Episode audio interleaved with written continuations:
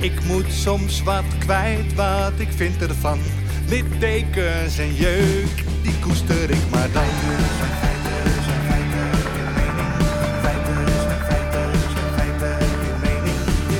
Duidelijk en luid. Riemen vast vooruit,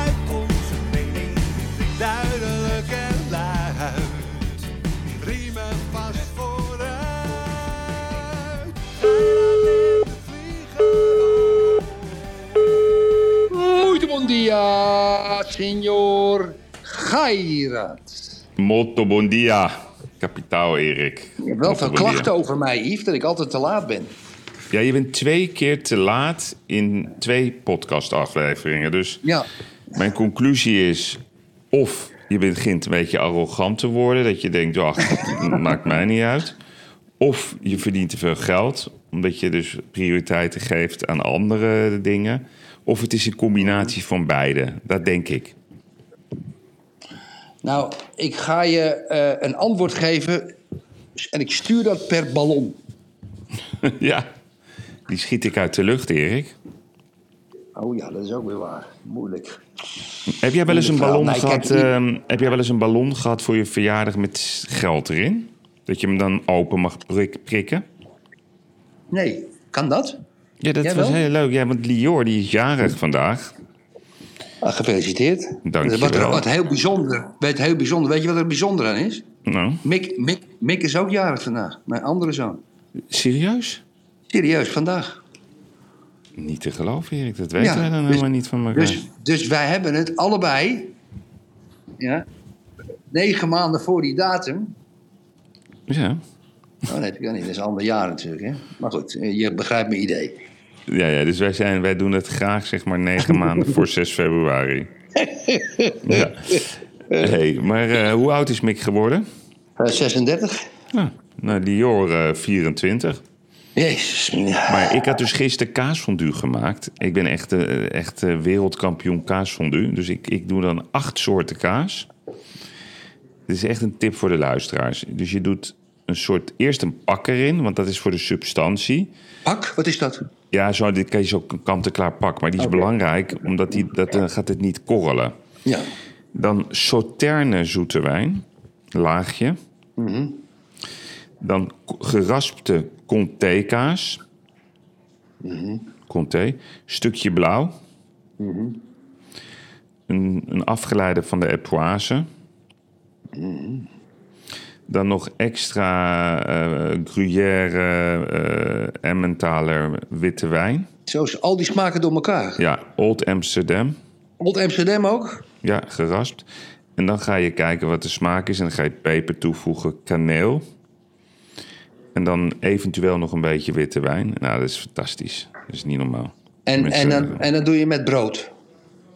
Ja, en, en wat groenten erbij voor de liefhebbers. En dan mag niemand zijn stukje brood in de pan laten vallen, anders krijg je Nee, dat vind ik irritant. Dat Ja, vind ik irritant. Dat Maar vind hoe je doe je dat, brood? Op een stokje? Op een stokje? Op een Nee, dat brood dat doe ik gewoon eerst in de oven en daarna in hele kleine stukjes.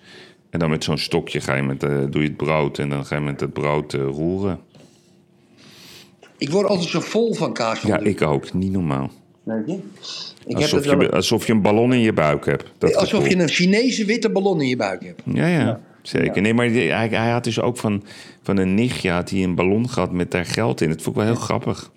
En, en, en wat muntjes of briefjes? Nou, briefjes. Ik heb niet gevraagd wat erin zat, maar ik denk, weet ik veel, 10, En, 20. en hoe krijg je die erin? Moet je die een, rol- een klein rollen pijpje maken en dan erin stoppen? En dan ja, en dan blazen. Ja, Heb ik toch een goed idee. leuk hè? Is toch leuk? Heb ik dan, dat ga ik voor mijn kleinkinderen ook doen, Yves. Ja, en ik vind ook, idee. ja, en wat je ook een keer moet doen, is als je in een, idee. in een zakendeal zit.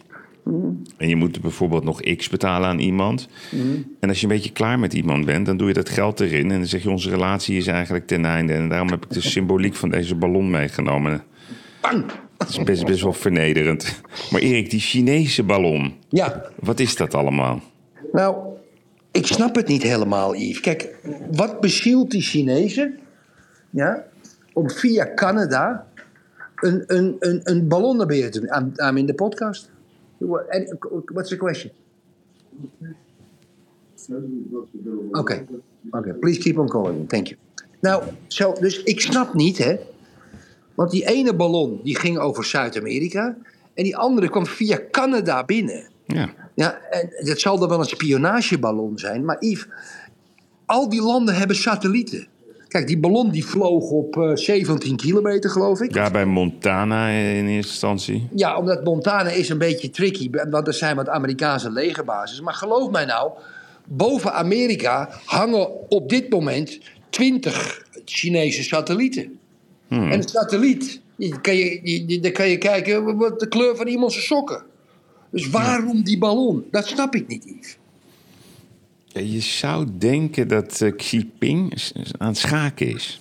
Dat, dat die, ja, En dat hij Ja. heel onschuldig denkt, ik doe gewoon een ballonnetje in de lucht. Kijken of ze hem wel of niet eh neerschieten. ja la- la- laten we eens even jennen zo. Weet je Ja, wel? even jennen en dan uiteindelijk Ja, schieten ze hem neer het. boven de oceaan. Ja, Xi Jinping zit met zijn paar kameraden, zit hij lekker te zuipen. Ja, op een vrijdagavond zitten ze te praten over die verschrikkelijke Amerikanen en dingen zus en zo.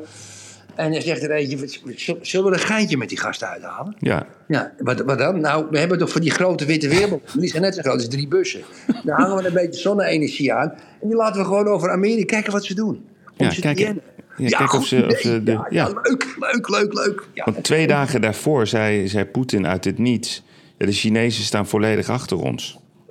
Vond ik ook wel een rare kausaal verband. Dus ja, ik denk dat dat het is, Erik. Even testen. Even jennen. Omdat ze toch zwak vlees. Ze vinden toch dat die westerse samenleving allemaal zwak vlees. Zwak vlees, ja. ja. Misschien moeten ze wat meer eh Fauda kijken, die al die westerse leiders. Hè? Wat een serie is dat, hè?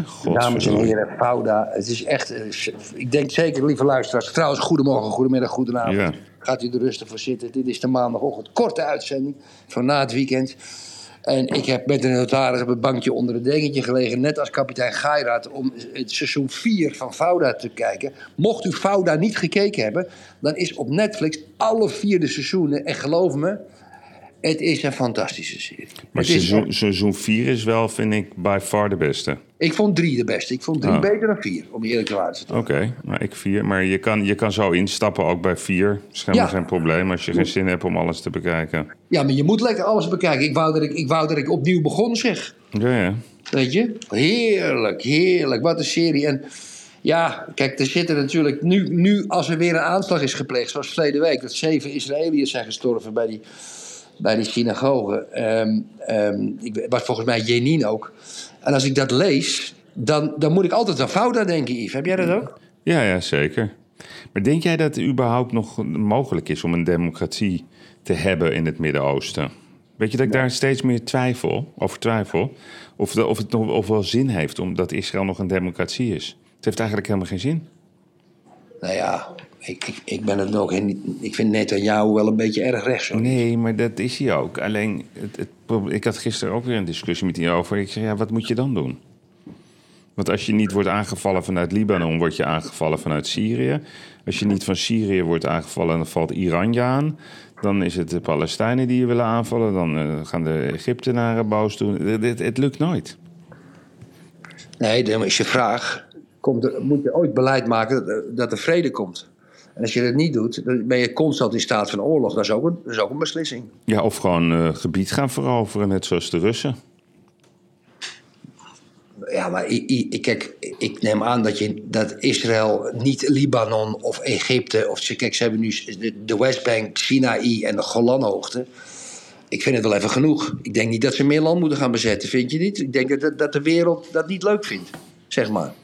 Ja, nee, maar de wereld vindt, vindt, vindt Israël toch een eh, Chinese ballon. Zo zie ik dat.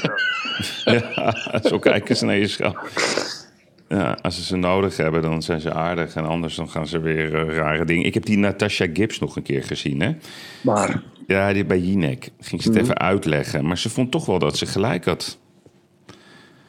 Dat Israël een apartheidstaat was. De enige. Nee, die- ze de vond, enige- dat, ja, ze vond een beetje dat zij journalistiek gezien wel aan de code had gedaan. Want dat vindt ze heel belangrijk, journalistiek. En dat ze zich aan die codes houdt. Nou, en toen ging het dus over die kernopmerking. Waar citeer je dan uit? Of is het een mening? Toen kwam Paul Jansen van de Telegraaf er even over eens... dat hij wel vindt dat het moet kunnen schuren. Hij was het er niet mee eens. Maar die stomme Jinek, Erik... die heeft dan niet het vermogen om te zeggen... ja, waar ben je het dan niet mee eens, Paul? Ja, nee, dat zit daar gewoon een beetje te dobbelen met elkaar. Ja. Het enige Ja. wat, nog, wat nog ontbrak was eh, appelgebak met slagroom. Maar ja, dat is het niveau van onze praatprogramma's. Ja, ja, Ze moeten, maar, ze Yves, moeten helemaal niet hebben over dit soort grote vraagstukken. Ze snappen de ballen ervan. Nee, maar ik, ik vind het uiterst kwalijk dat een, een, een, een, een, een- ik noem het maar even een quizleider van op één. Als er over Iran en de onderdrukking wordt gepraat, dat ze dit in één lijn doortrekt om door Israël een apartheidstaat te, noemen. Het is krankzinnig. zoals, zoals, zoals in Zuid-Afrika. Kom op, give me a break. Nee, maar het is krankzinnig. Het is echt eh, krankzinnig. En Bert Huisjes heeft niet de moed om even eh, hier een gesprekje over eh, Maar- te hebben. Maar als jij baas van Israël zou zijn, Yves, wat zou, Ja. je, wat zou je dan doen? Kijk, ik vind het, het is een heel, ik ken het land natuurlijk heel goed. Het is heel onlogisch vanuit de infrastructuur. Dus je moet het zo zien. Dus in Utrecht, in Nederland, zo'n beetje midden in het land, daar zit een andere staat. Dat is best wel ingewikkeld. Dat is de Westbank. Dat zit gewoon midden in het land. Ik weet niet wie dat ooit bedacht heeft en op welke manier dat ooit ontstaan is. Maar dat kan helemaal niet. Het kan niet. En die Gazastrook, ja, dat is ook één grote ellende. Maar wat je ook bedenkt, wat je ook doet, eh Israël is het land waar, waar, waar de, wat de meeste verschillende soorten geloven heeft. Daar wonen relatief gezien ontzettend veel moslims in Israël die gewoon een leuk leven hebben. Alleen toch werkt het niet op de een of andere manier. Wat je ook bedenkt, het werkt niet. En dan komen die religieuzen natuurlijk eh, aan bod. Nou, dat is ook verschrikkelijk, Erik. Daar kan je geen normaal gesprek over hebben. Ik vind Ja. sowieso dat religieuzen nooit in de regering moeten zitten, welk land ter wereld het ook is. Het werkt niet. Kees van der Staaij?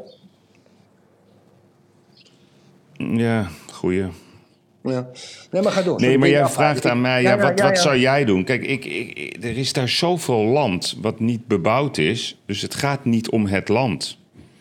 Het gaat om, om, om het principe dat, dat eh, het hele Midden-Oosten wil gewoon één geloof zijn. Laten we dat nou gewoon een keer eerlijk benoemen. Kijk, ik heb Esther Voet een keer geïnterviewd, hè, Yves? Hmm. En dat werd een beetje, dat is te vinden op, eh, op YouTube, dames en heren. En, en toen, die was heel ontstemd Over? over mijn vraagstelling. Want ik zeg, kijk, weet je wat het is, Esther? Ik zeg, ik loop wel eens door het Vondelpark. En dan zie ik dan een hond en die ziet een andere hond. En die kwispelen en die, eh, die, die ruiken dan aan elkaars kontje wat ze de dag ervoor gegeten hebben. Ja? En dan loopt diezelfde hond door en dan is er een andere hond. En dan gaan die oren omhoog en dan beginnen ze te vechten. En ik weet niet waarom. Ik, ik weet niet waarom twee honden vechten en andere honden kwispelen naar elkaar toe lopen. Ik heb geen idee. Die honden hebben een bepaald gedachtepatroon. Ik zeg, zou dat soms met de Palestijnen en de Joden ook zo kunnen zijn? Nee, ja, nee, maar ja, ik begrijp dat ze dat niet leuk vinden. Erik, waarom begrijp je dat niet? Nou, omdat je dat, dat soort vergelijkingen, die zijn natuurlijk een beetje raar. Het gaat om, Nou, me- om mensen Wat ik die... eigenlijk gewoon zeg, heel, heel botweg, Yves. Palestijnen en Joden hebben gewoon gegronde hekel aan elkaar. En dat is 5000 jaar geschiedenis, of misschien wel 10.000 jaar Nee, geschiedenis. nee, maar dat zie jij dus helemaal fout. Dat is niet zo. Die hebben helemaal geen hekel aan elkaar. Maar er, die, er, er is voor gezorgd dat ze een hekel aan elkaar krijgen. Die willen gewoon leven. Alleen het is niet in het belang van de grote landen in het Midden-Oosten... dat er ooit vrede komt aan, op, aan die strook. Want dan kunnen ze altijd die kaart uitspelen... als het om hun eigen regime gaat. Ja, maar Yves, jij weet toch ook dat de zeven Israëlische stammen uit de oudheid... eh, eh, eh, op Masada na, geloof ik. De hebben, uiteindelijk heeft iedereen daar zelfmoord gepleegd. Maar eigenlijk altijd aangevallen zijn door de wereld rondom hun heen. Door de Egyptenaren, door Babylon, door... door, door, Maar, maar oké, maar, oké, maar doe eens nu een keer niet die historische discussie. Want, want die wordt altijd gedaan, de historische discussie. Ja, ja, Bekijk het nou eens een keertje gewoon vanuit het heden. ja oké. Dus jij wil een leuk leven. Of je nou Palestijn bent of je bent Israëli. Je wilt gewoon een gezin opbouwen. Je wilt lekker eten. Je wilt werken. Je wilt mooie dingen doen. Gewoon plezier maken in het leven. Dat is toch volgens mij waarom je, waarom je geboren bent. Maar als je dan kijkt, hè, en dat is wat ik doe met het Je Midden-Oosten. ook, je wil ook vrijheid hebben, hè? En vrijheid is het belangrijkste voor ieder mens. Ja. Nou, dan kijk je bijvoorbeeld naar die, ehm, de, onze man eh, van de Taliban. Hè? Dus die, die, die, is daar, dat is, dat is, die krijgt zoveel hulde. Maar die is dan bezig daar in, in Afghanistan met die reportage. Maar de, de rode draad is, ja, wij houden van de dood. Dus we zijn hier alleen maar heel even om uiteindelijk naar het paradijs te gaan. Want dat is de wens van God. Dan, dan, dan heeft elke discussie toch geen zin. Dus op het moment dat in het Midden-Oosten er zo'n grote wens, behoefte en ook verlangen is naar de dood. Dan kan je toch geen normaal gesprek voeren, Erik? Nee. Als jij, als jij dit soort gesprekken zou vertalen in wat jij in Portugal doet... en, en, en die man ja, die zegt, ja, ik ben het niet mee eens... ik ga me zo meteen opblazen. Ja, wat doe jij dan? Dan schrik je wel een beetje, hoor. Het, is, het is onmogelijk. Heb je wel een punt? Ja, nee, maar de, het- kijk, ah, de discussies worden altijd getrokken in de geschiedenis en in, in wat er toen was. Maar als je het, als je het bekijkt, joh, is als een postzegel in dat gebied. Een postzegel, als je ziet. Dus het gaat niet om land. Een Dus- onvruchtbare postzegel ook nog zonder olie. Nou, er zit best wel veel voor de kust qua gas. Dus, nu hebben ze dus- dat wel, ja. Ja, nee, maar het is, het is zo gigantisch, hoor. Als je ziet alleen al hoe groot Iran is, hoe groot Saoedi-Arabië is. Ja, dat moet, een- de- de- ik weet niet. Ik denk niet dat het ooit wordt opgelost. Dat denk ik. Dat denk ik. Maar vind jij trouwens dat eh, men eh, in, in het leger weer moet? Hoekstra heeft dat op tafel gegooid. De dienstplicht moet weer terug. Wat vind je daarvan? Kijk, de- jij refereert aan een artikel van dit weekend... eh, dat Hoekstra in een interview gezegd heeft... dat de dienstplicht weer ingevoerd moet worden. Kijk, Ja. die- ik heb daar twee, een tweeledig antwoord op. Kijk, om te beginnen heb ik, toen die tweet kwam van Hoekstra... dat hij dat ook zei... heb ik hem gevraagd... meneer Hoekstra, ik vind het een prima idee... maar wilt in geval van oorlog... eh, kunt u mij dan garanderen dat u vooraan staat? Daar kreeg ik natuurlijk geen antwoord op. Nee, maar dat vind ik ook een beetje flauw. Nee, dat vind ik niet flauw. Nee, Want ik vind, vind in wel deze flauw. tijden, in deze tijden dat er een oorlog dreigt. De hele dag zien we filmpjes van, van treinen die met oorlogsmaterieel naar een front rijden waar jonge mannen worden vermoord. Zowel uit Oekraïnische zijde als een Russische zijde. Ja? En dan, en dan, eh, ik heb vier kinderen en dan komt er zo'n gozer, die, zo'n gozer, zo'n lange lul, die dan tijdens een komende oorlog in zijn verkiezingscampagne stemmen wil winnen door te zeggen de dienstplicht moet weer ingevoerd. Maar ik trek, Daar hou ik hem. Erik, ik trek hem even helemaal uit zijn verband. Oh, Ga maar door. Ja, helemaal uit zijn verband. Kijk, ik vind het altijd heel leuk om één keer in de twee weken, één keer in de drie weken, even gewoon lekker naar het centrum te gaan. Als je ziet wat er in het centrum van Amsterdam, gewoon op een zaterdag, wat daar allemaal rondloopt. Dat is geen Amsterdam meer. Nee. Een soort pretpark, Ja. Chaos. Het is ook een stad waar geen discipline meer is. Als je bij een zebrapad komt, Nee. ze lopen door rood, Erik. eh, je wordt verrot gescholden Je de wordt verrot gescholden. Ja. Fietsers komen van links, fietsers komen van rechts. Ze rijden tegen stoepen. het verkeer Ja. in. Ja, hoor. Dus, en, en ik ga niet de jeugd beledigen. Maar toch vind ik dat het begrip discipline, dat dat niet meer bestaat.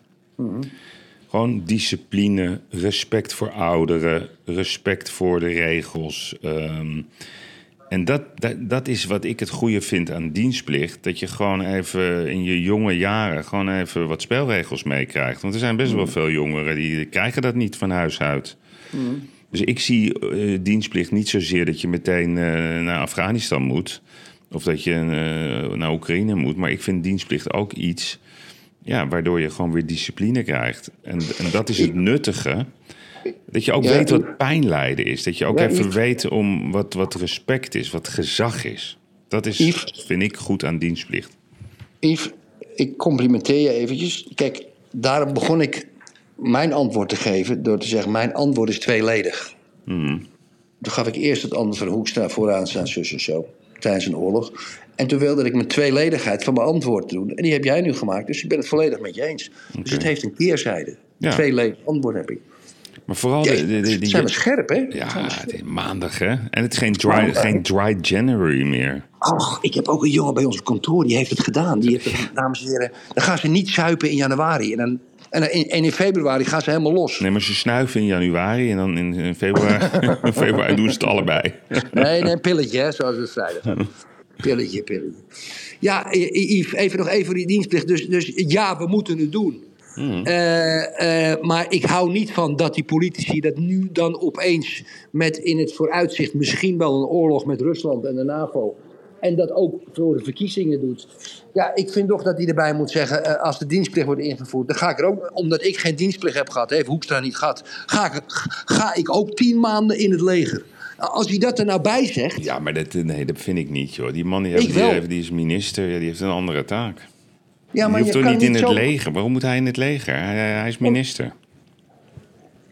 omdat hij een wegvoorbereider is. Kijk, als je zegt dienstplicht weer invoeren, ik ga ook tien maanden, dan ben je een kerel. Ja, ik zou het leuk vinden als hij uitlegt waarom dienstplicht belangrijk is. Maar dat vinden ze sowieso moeilijk. Kijk, als je, Ja, ja. als je het hebt over leiderschap, hè, eh, eh, weer, weer een rare brug. Ajax. Het is toch niet normaal in één week tijd een, een, Ja. een, een club die werkelijk waar onder de grond van de, de depressiviteit met elkaar ruzie aan het maken was. Paracetamol was uitverkocht. En alle, en, een compleet gebied rondom Ajax. Er was geen, geen pilletje meer te krijgen. Iedereen heeft hoofdpijn. en, hel en verdoemenis voor die club. Ja. En dan komt dan die John Heitinga en iedereen lacht weer. En, en- en het, stelt, het is, zegt nog helemaal niks, hè? 5-0 tegen Cambuur. Het zegt niks. Maar er is weer lol, Erik. De spelers staan op de goede plek. Eh, Die die computer die staat nog steeds bij de bank, maar daar kijken ze niet naar. Nee, Het is gezellig weer. een jeugdtrainer, hè? Ja, maar wel, wel eentje met beleid en eentje ook met de clubcultuur. Het, het, het is het bewijs dat als je de juiste mensen gewoon ergens neerzet, ja, dat er toch iets gebeurt. Ik, Ja, ik, ik durf de stelling aan dat als je, als je in Nederland al die rantebielen van, van D66 eh, naar Tsjetsjenië stuurt of naar Siberië, dat is nog beter.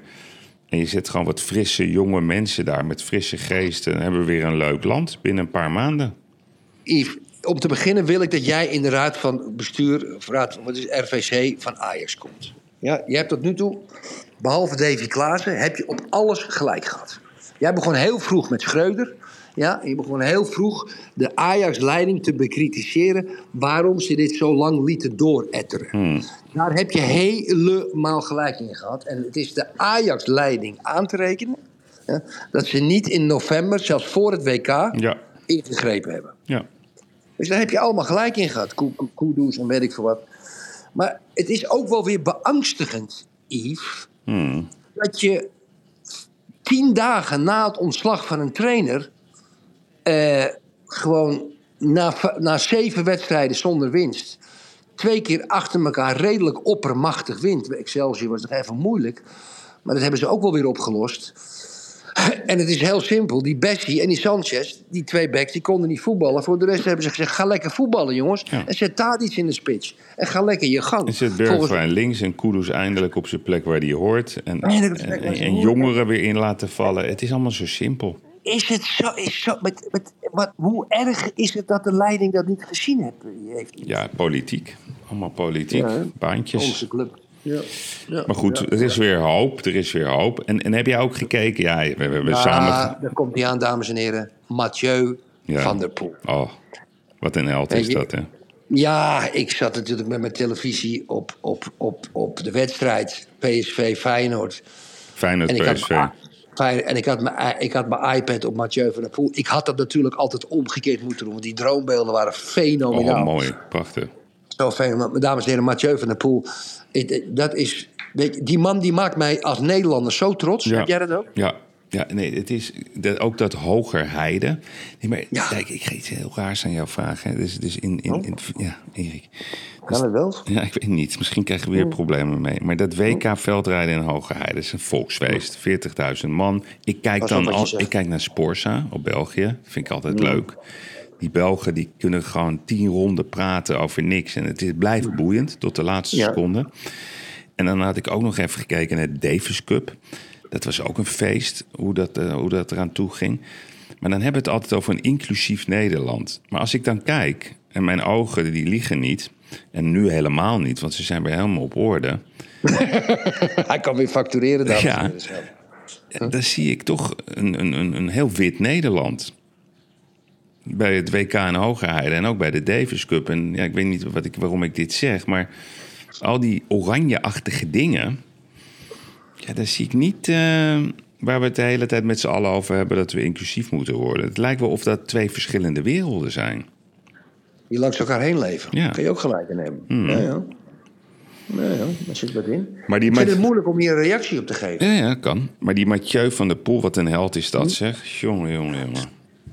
Maar, maar met die droombeelden, hè, dat is, dat is gewoon... Ze gaan als een raketje op van die, van, die, van, die, van, die, van die heuveltjes af. Heuveltjes op. Ze scheuren langs die bomen. Knallen naar beneden. En dat gaat allemaal, gaat allemaal goed.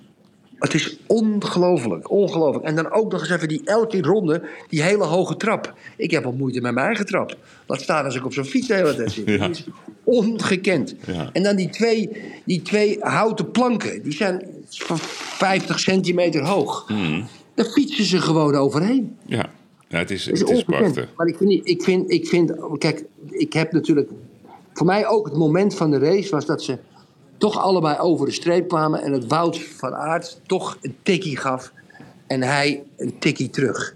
Het zijn natuurlijk ook jongens die tot elkaar voor elkaar veroordeeld Ze zijn. respecteren die in de jeugd, die in de jeugd al, al, al, al met elkaar hebben gevochten. eh, eh, sportief. Natuurlijk, een, niet, niet, niet, ze mogen elkaar niet, want het is een soort vijandschap. Maar ik denk uiteindelijk, ik denk dat na hun carrière... dat twee gigantische vrienden ga- gaan worden. Hmm. En die moeten een bedrijf beginnen, van Aard van de Poel. Van Aard van de Poel. Ja, die moeten fietsen gaan verkopen Oh, ja, fietsen. Ja, Fietsfabriek. ja, precies. Fietsfabriek. Die moeten een fietsfabriek gaan bouwen. Ja, die gaan er investeren. Ze willen een Is daar trouwens handel in, eh, in Portugal, elektrische fietsen? Ja, maar het is alleen voor toeristen. Want het is Ja, allemaal huur, hè? Kan je het ook, eh, heb je ook van die winkels die dat verkopen? Heel weinig. Ja. En een Portugees, het ergste wat een Portugees doet. Ik rijd natuurlijk met een notaris door het land. En dan zie ik iemand fietsen. Die, die smeren hun kettingen niet. En die onderhouden hun fietsen niet. En die hebben ook geen achterspartbot. Dus dat houdt in, als ze door de regen fietsen, dat ze een hele zwarte streep op hun rug hebben. Portugezen zijn heel slecht in met het onderhouden van dingen, laat staan hun fiets. En er wordt hier niet gefietst. Alleen toeristen. Zie je wel eens van die, van die gepensioneerden. Die hebben dan een fiets van eh, 2000 euro per stuk. Een Batavus uit Nederland. Met zo'n motortje of 3000. En dan zie je oude mensen zie je fietsen. Want die hebben hier allemaal heuvels. Maar jij, je, hebt, Maar goed. je hebt toch ook wel wat beroemde Portugese wielrenners? Ja, maar meer- dat zijn meer klimgeiten. Ja, ja, van die klimgeiten. Maar er, zit, er is niet echt die fietscultuur. Augustino. Augustino. Ja, je Augustino, ja. Inderdaad. herinneren? Ja, die was de tijd van eh, net na Merckx. En die, Joachim Agostinho en, en Almeida, dat was ook zo'n bekende. Ja, was een klimgeit. Het zijn gewoon klimgeiten, ja. Ja, ja. Ja, ja, maar kijk, kijk, dat van Mathieu van der Poel. Ja, ja, ja, dat publiek. Ja, Ja. Ja, ja, daar heb je wel gelijk. En daar stonden dus allemaal witte mensen en de Belgen. Er waren 10.000 Belgen, 10.000 20 Nederlanders. 20.000 Ja, Belgen, 20.000 Nederlanders. En die nemen allemaal die, die, die Vlaamse leeuwvlag mee. Hè? Ja. Heb je dat ook gezien? Ja, ja, ja, dat is in België natuurlijk een dingetje. Vlaanderen, hè? Ja, Vlaanderen, forever. Hè? Dus, Vlaanderen. dat is zeg maar eh, Vlaanderen, Friesland in het kwadraat. Ken jij Pieter Schoen? Nee. Nee. Is dat een nickname voor Hugo de Jonge? Nee. nee. nee, die Pieter Schoen die, die, die, die heeft ooit de Nederlandse Energiemaatschappij volgens mij opgericht. Maar iets met energie. Die zat ook in dat Dragon's Den. En uit frustratie wat er gebeurt in Groningen... dus hij heeft dezelfde frustratie die wij hebben... heeft hij een documentaire laten maken door Peter Tettero en Daan van Dulst... met als tekst Sabotage. En zijn conclusie is dat er is een nieuwe techniek en dat heet drukhandhaving. Dat je eigenlijk zonder al te veel problemen gewoon 400 miljard kuub uit die grond kan trekken. Nou, dat is, ik weet niet, volgens mij is dat ook. Hoeveel is één kuub waard tegenwoordig? Nou, weet ik niet meer, Yves. Een eurotje of zo? Nou, wel meer toch? Een kuub? Nee, veel meer, man. Prijs één kuub gas. Even kijken hoor, ik weet niet eens hoeveel dat waard is. Hier. Ja, dan moet je nagaan. 2,31 euro. Een hele kuub is 1000 liter. Ja, dat kost het. Maar dat is dan inclusief de belasting. Hè? Dus dat, dat, dat is niet. eh, Dus eh, wat je zegt dan, wat je uit de grond haalt. Nee, ik denk dat dat wel waar is. Dat je het een eurotje. eh, dat dat de verkoopprijs is. Weet je, daarna gaat het toch een aantal keren over de kop. Maar wat die man dus zegt, die heeft dat laten onderzoeken. En die zegt: de, de, de overheid saboteert de oplossing. En hij heeft het echt serieus aangepakt. Eh, veel geld geïnvesteerd om hier een documentaire over te laten maken. Hij heeft er geen enkel belang bij. Doet dit gewoon, ja, omdat hij, hij het ook belangrijk vindt dat er een keer eh, een verandering komt. huurt daar twee gasten voor in. De techniek is veel verder. Wat is dat toch, Erik? Ik heb die discussie... ik- We hebben vaak die discussie met elkaar gevoerd. Waar kan ik dat zien? Ja, dat weet ik niet. Het, is, het heet heb sabotage. Nee, ik heb het gelezen, deze, Oh, dus ik heb het nog niet gezien. Oké. Maar die Pieter Schoen is wel een goede kerel. Dus dat is niet iemand eh, die zomaar wat lult. Ja. Ja, waar ligt dat aan? Ik heb geen idee. Kijk, de mensen in Groningen, wij hebben, wij hebben het heel simpel uitgerekend. Als je iedereen, elke Groninger, of hij Ja, nou ja. net geboren is of Geef 85 je een is, een miljoen. half miljoen ja, of een miljoen. Nee, een half miljoen hadden we op. Ja. Dan, had je, dan verdien je 350 miljard. ja. Ja, en dan kunnen die mensen hun huis allemaal mooi maken. En weet ik veel wat. Of, of huis verkopen, maakt me ook niks uit. En aan met een half miljoen kun je heel veel doen. Zeg je, je bent met z'n drieën thuis. Dan heb je anderhalf miljoen op de rekening, belastingvrij. Ja, ja. dan nee, zeg je nou, oké, laat de boeren maar dorsen. Ja, maar net Ja, zoals de, die Noren, jongen. Die Noren die, die liggen helemaal in een duik. Die hebben zoveel geld. Die hebben zoveel geld, daar hoef je helemaal niks meer te betalen. Wat dat is, Yves, dat is po- politieke onwil. Ja, maar nooit over oplossingen praten. Alleen over problemen. Nooit over oplossing praten. Alleen maar, ik zie, die, ik zie dat GroenLinks PvdA-congres. Zie ik Paul Rozemuller, Meili Vos, Adje Kuiken. Ja, die zie ik daar. En het enige wat ze lullen is over de rijken belasten. Ik had een... We gaan de rijken belasten, want het, het is oneerlijk verdeeld allemaal, Ja. zeggen ze. We gaan de rijken belasten. Ja, dat is dan de Dat oplossing. is de oplossing. rijken maar ik had een mooie theorie van iemand die eh, zeg maar betrokken is bij die campagnestrategie van links. Ehm, en die zei het volgende: dat de keuze waarom Rutte zo keihard schopt tegen de linkse wolk is een bewuste keuze. En Ja. waarom? Omdat hij, zei, daarmee maak je links wat groter. Dus hoe harder je er tegen schopt, hoe meer mensen denken... nou, dan gaan we juist op, eh, op, die, op dat linkse blok stemmen. Waardoor de stemmen bij die splinterpartijen toch een beetje naar dat linkse blok gaan. En uiteindelijk krijg je dan een situatie dat de VVD... die zal flink verliezen, maar die zal toch nog wel substantie houden. En je hebt D66. En dan wordt het blok dus VVD, D66 en, dat, en, dat, en die linkse wolk. PvdA GroenLinks als één Ja. partij. Ja. Dat, is een hele, dat, is een, eh, dat vind ik een hele plausibele Ja, verklaring. hè? Zeker voor die psychopaat die Rutte is. ja, ja, ja. ja, ja, ja, ja. Had je hem trouwens gezien, ja, daar hebben we het niet over gehad. eh, hij, hij houdt van Indonesisch, hè? Wat was hij? Hij was wel erg close met Macron, hè? Hij heeft hem onder tafel gepijpt, 100%. Ja? Ja, Macron is ook een halve nicht. hè. Mogen ze, dat vind ik niet erg. Maar we hebben even een foto gezien, toen moesten ze weg.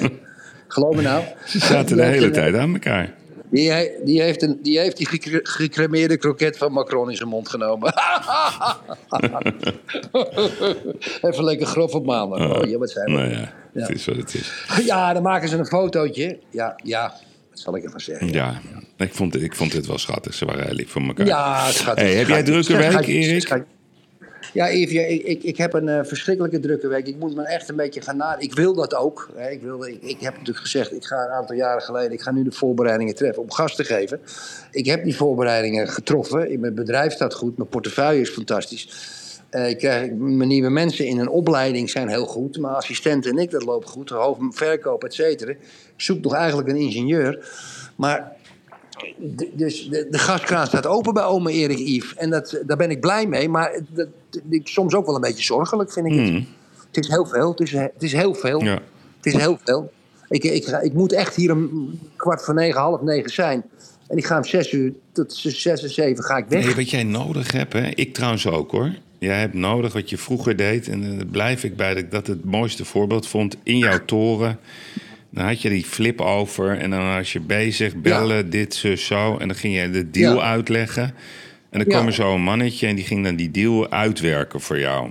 Ja, ja. Ja, en dat is, dat, dat, daar hebben jij en ik volgens mij allebei een beetje last van. Dat wij en de hele dag bezig zijn met deals maken, overtuigen, eh, nadenken, creëren. Maar dat we te vaak ook bezig zijn met de executie.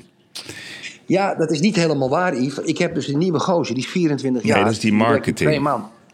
Nee, nee. Ik heb een gewoon een hoofdverkoop, 24 jaar. Geweldig. Oh, dus niet die, is oh, is een andere gozer. Ja. Dat is een andere gozer, ja. En, en eh, nou, die zei tegen mij een paar weken geleden... Goh, ja, ik, ik wil nu ook wel een beetje produceren voor je. Je betaalt mijn salaris. Ik zeg, jongen, rustig aan. Dus ik praat elke dag met hem. En vrijdag, je, je weet het... vrijdag closed ik wel een deal van 980.000 eurotjes. Ja, met die grond. En die kwam bij hem vandaan. ja, ja oké. Ja? Dus dat, dat, dat, dat, eh, de, de jongen die Ja, heeft goed dat je dat doet. Ja, ik, ben er nog, ik, Ja. ik ben er nog niet helemaal, ik heb het nog niet helemaal opgelost, maar dat gaat wel binnen Nee. een maandje Nee, eh, los ik het op. Ja, maar Ja, ik wil je- je- Als doorgroeien, jij, als jij, als, ja, maar als je, kijk, weet je wat het probleem is? Voor jou, Ja.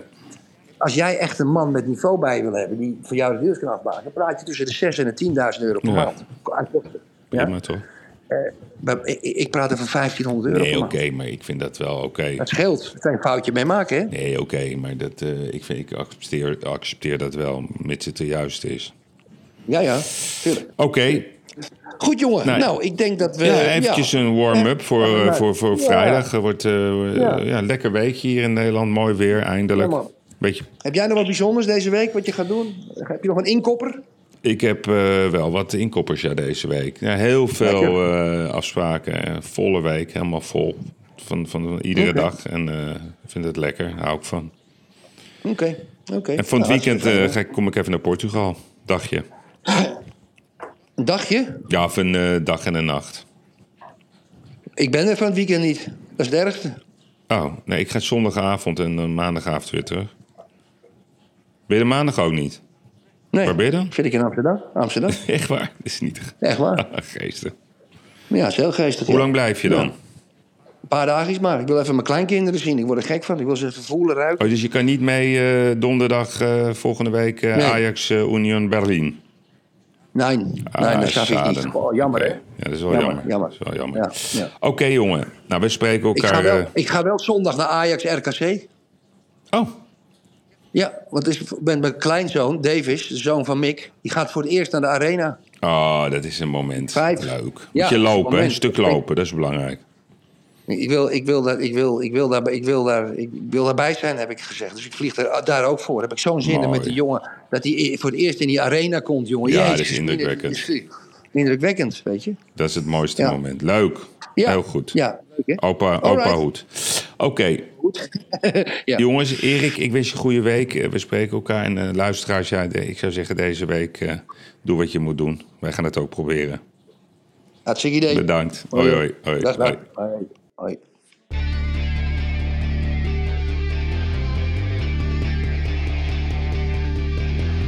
Ik moet soms wat kwijt, wat ik vind ervan. Littekens en jeuk, die koester ik maar dan.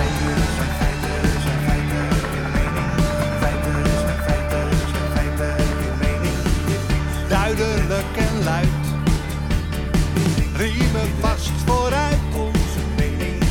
Duidelijk en luid. Riemen vast vooruit. Geiraat en de vlieger, oh, oh, oh. Geiraat en de vlieger. Ik moet soms wat kwijt. Mijn mening. Meer dan 80 jaar ervaring.